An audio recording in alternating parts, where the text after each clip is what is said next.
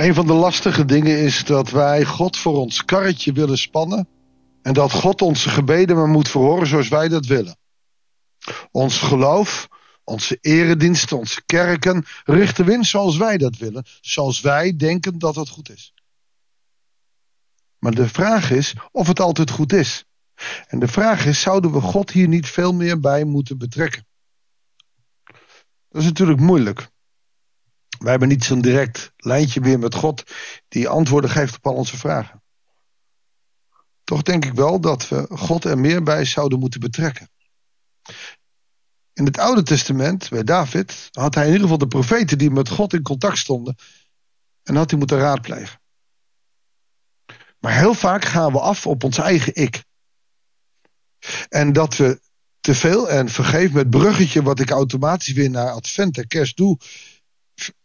Vergeet niet dat Jezus is gekomen omdat onze ik van de mens, wij leefden toen niet, maar in hen ook ons, ons ik veel God. Onze ik krijgt zoveel macht dat politiek, kerk en alles gaat zoals wij dat willen. En de vraag is of dat precies is wat God wil. Dat gaan we Goeiedag, hartelijk welkom bij een nieuwe uitzending van het Bijbelsdagboek. We lezen 2 Samuel 6, vers 1 tot en met 11. Ik heb wel eens de vraag gehad waarom ik in adventtijd, maar ook in de voorbereiding op Pasen, niet wat toepasselijke teksten zou kunnen gebruiken. Nou, mijn allereerste antwoord is: ik gebruik het leesrooster van het Nederlands Bijbelgenootschap. Heb daar uiteraard in gesmokkeld, omdat ik openbaring zo, nou, zo graag uh, wilde uh, afmaken. Maar ook is het verrassend om soms te ontdekken wat sommige Bijbelteksten in een bepaalde periode op een andere manier te zeggen hebben ons dan de traditionele lezing die we hebben. Zeg ik dit nou om me goedkoper ervan af te maken? Nee. Het is zo dat als je de Bijbel leest, dat de Bijbel jou iets zegt. Het kan best wezen dat over vijf jaar je dezelfde tekst leest in een andere context en dat die schrift je heel anders wat vertelt. Als ik bedenk hoe ik de eerste keer uit Psalm 139, ik weet nog precies, het was in de destijds nog heetende Bethelkerk in Barneveld, Psalm 139 bepreekte. Als ik nu kijk hoe ik hem nu zou bepreken, is dat heel anders. Is dat erg? Nee, je groeit in je geloof. Maar het heeft ook te maken in welke tijd je leest. Zo vind ik het verrassend dat in een tijd van advent, waar je niet de adventlezingen doet, maar nu bijvoorbeeld uit 2 Samuel leest, maar ook openbaringen, dat die tekst je opeens iets gaat zeggen over de tijd waarin je leeft. Ik hoop dat het je duidelijk wordt als ik de tekst ga lezen. 2 Samuel 6, vers 1 tot en met 11. Weer riep David alle weerbare mannen van Israël bijeen. Het waren er 30.000. Hij ging met zijn gevolg op weg om de ark van God op te halen. Uit Baal, Baala in Juda. De ark waaraan een bijzondere naam verbonden is, namelijk die van de Heer van de hemelse machten. Die op de Serep stroomt. Dat is een aparte naam. Hoe heet de ark van het verbond? Dat is de ark die van de Heer is van de hemelse machten die op de Serep stroomt. Dat is een naam. El Sebaot. De Heer van de hemelse machten. Ze haalden de ark van God uit het huis van Abinadab, dat op een heuvel ligt, en reden hem weg op een nieuwe wagen. Abinadabs zonen, Usa en Agio, leidden de wagen. Agio liep voor de, de ark uit. Je kunt stellen dat alles wat er gedaan moest worden netjes gedaan is. Een nieuwe wagen, alle eer. David en de Israëlieten dansten voor de Heer begeleid door allerlei muziekinstrumenten van hout en lieren, harpen en tamboerijnen, rinkelen, bellen en cymbalen voor de ark uit. En uh, Uza liep naast en Agio liep voor. Alle eer aan God. En toch, toen ze langs de plek kwamen waar Nagon zijn graan dorste, gingen de ossen daarop af. Oftewel, die ossen zijn gewend om stramien te lopen door het veld. Die ossen waren helemaal niet gewend om een kar te trekken van de ene plek naar de andere plek. Oftewel, zij deden wat hun instinct hun zeide. Uzak stak zijn hand uit en greep de ark van God vast. Usa of Usa, die is bang dat de ark van het verbond gaat vallen. En toch gebeurde dit. De Heer ontstak in woede, woede tegen Uza en strafte hem ter plekke voor zijn onachtzaamheid, zodat hij op slag dood was. Wacht even. Ze verplaatsen de ark, want die moet naar Jeruzalem, in de tempel. Ze doen dat netjes op een compleet nieuwe wagen waar nog nooit iets op gelegen heeft. Dat is zoals in het Oude Testament heel vaak ook wordt gezegd. Als je iets voor God doet, doe je dat met iets nieuws of iets goeds of iets puurs. De zoons van Abinadab, een priester, begeleiden hem. Twee priesters begeleiden hem. Dus met alle EK. Hij doet dat ook met 30.000 man. Hij beveiligt hem.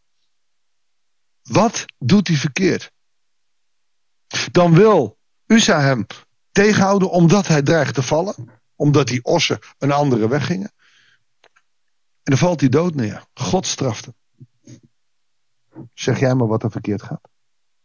Zo kunnen wij ons ook voelen. Wij doen soms alles van alles om het maar goed te doen. En, en toch hebben we het idee dat alles tegen zit. We willen God dienen. En we krijgen lik op stuk. Het belangrijkste wat David vergeten is, is bij dit alles God te betrekken.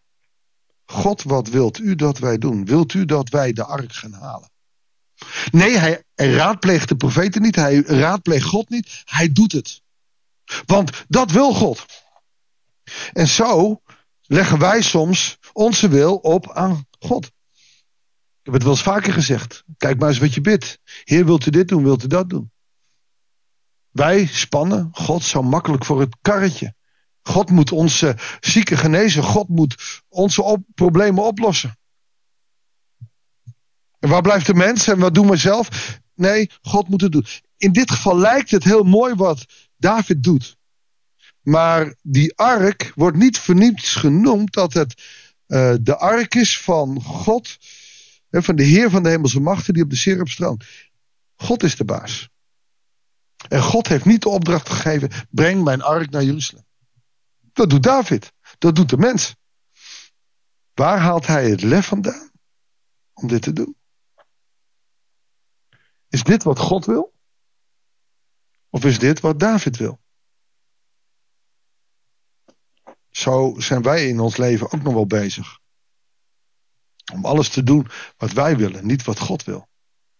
En we noemen daarbij dan ook, ja, maar dit is wat God wil. Dit is wat God belangrijk vindt. Gek hè?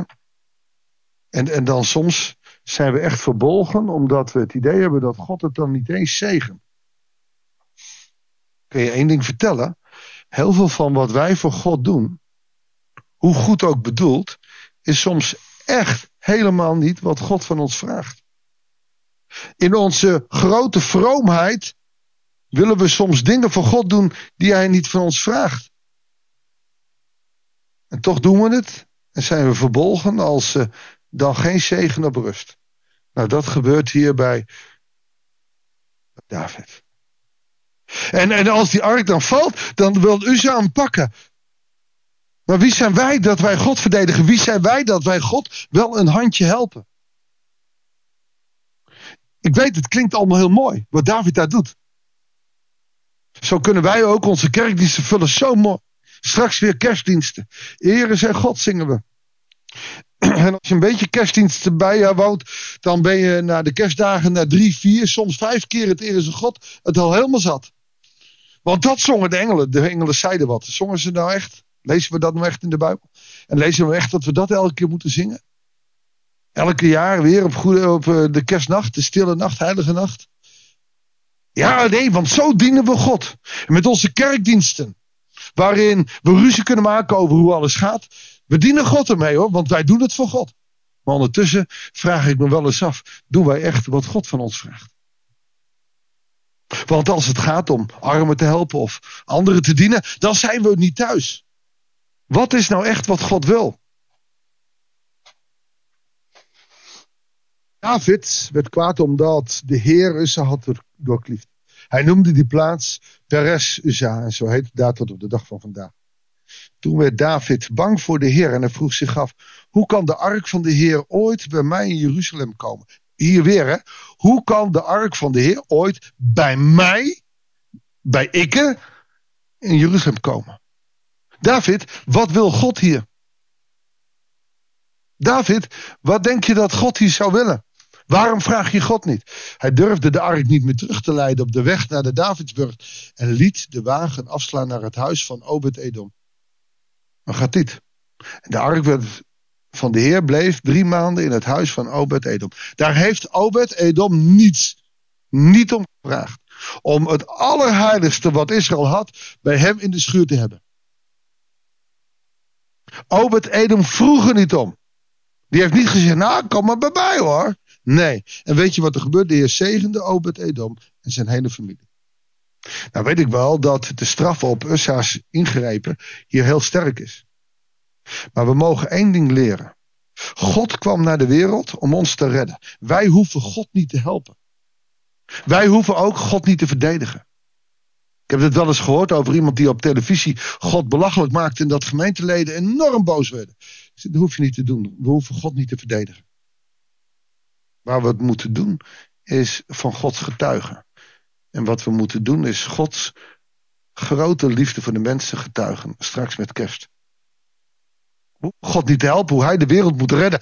Dat mag God doen. Dat kan God. Beter dan wij. Dit is een les waarin God zegt: laat mij dingen maar regelen. Luister maar naar wat ik van jou wil. En ga niet jouw wil op mij leggen. Een hele belangrijke les. En misschien wel een belangrijke les in deze adventtijd. Oké, ik sla weer door. We zitten weer op 12 minuten. Ik wil met je bidden. Heere God, leer ons zo door de kracht van uw geest. Wat advent werkelijk waar is. Wat kerst dit jaar voor ons inhoudt. Niet dat feest van eten en lichtjes. Maar een feest van uw genade voor de wereld. Heere God, en u heeft geen opdracht gegeven om precies dat te vieren zoals wij het vieren. Maar we mogen wel eens wat dankbaarder zijn voor dat u de wereld redde. En dat we daarmee vanuit het kerstkind ook leren om uw wil te volgen en niet onze eigen wil. Want dit kind heeft het perspectief van het kruis, waarin onze wil geslagen wordt. En soms snappen we dat niet eens. Heer, laat zo advent, maar ook kerst niet aan ons voorbij gaan. Wil door uw geest ingrijpen in ons leven, dat wij echt ontdekken wat u met uw komst werkelijk waar bedoelde. Dank voor deze woorden. In Jezus' naam. Amen.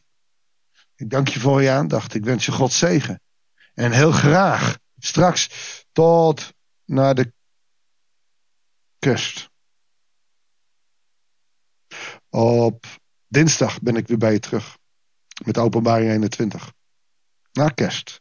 Het perspectief van het kind. Niet Golgotha, maar zijn wederkomst. Mooi hè? Eigenlijk mooi het rooster. hey, uh, ik sla door. Het is al 13 minuten. Maar het zijn 13 minuten voor de Heer. En ik doe het voor de Heer. En ik wens jullie een heel zalig kerstfeest. Waarin je veel tijd mag steken in wat de Heer van je wil. Het ga je goed. En heel graag tot de volgende uitzending van het Bijbelsdagboek.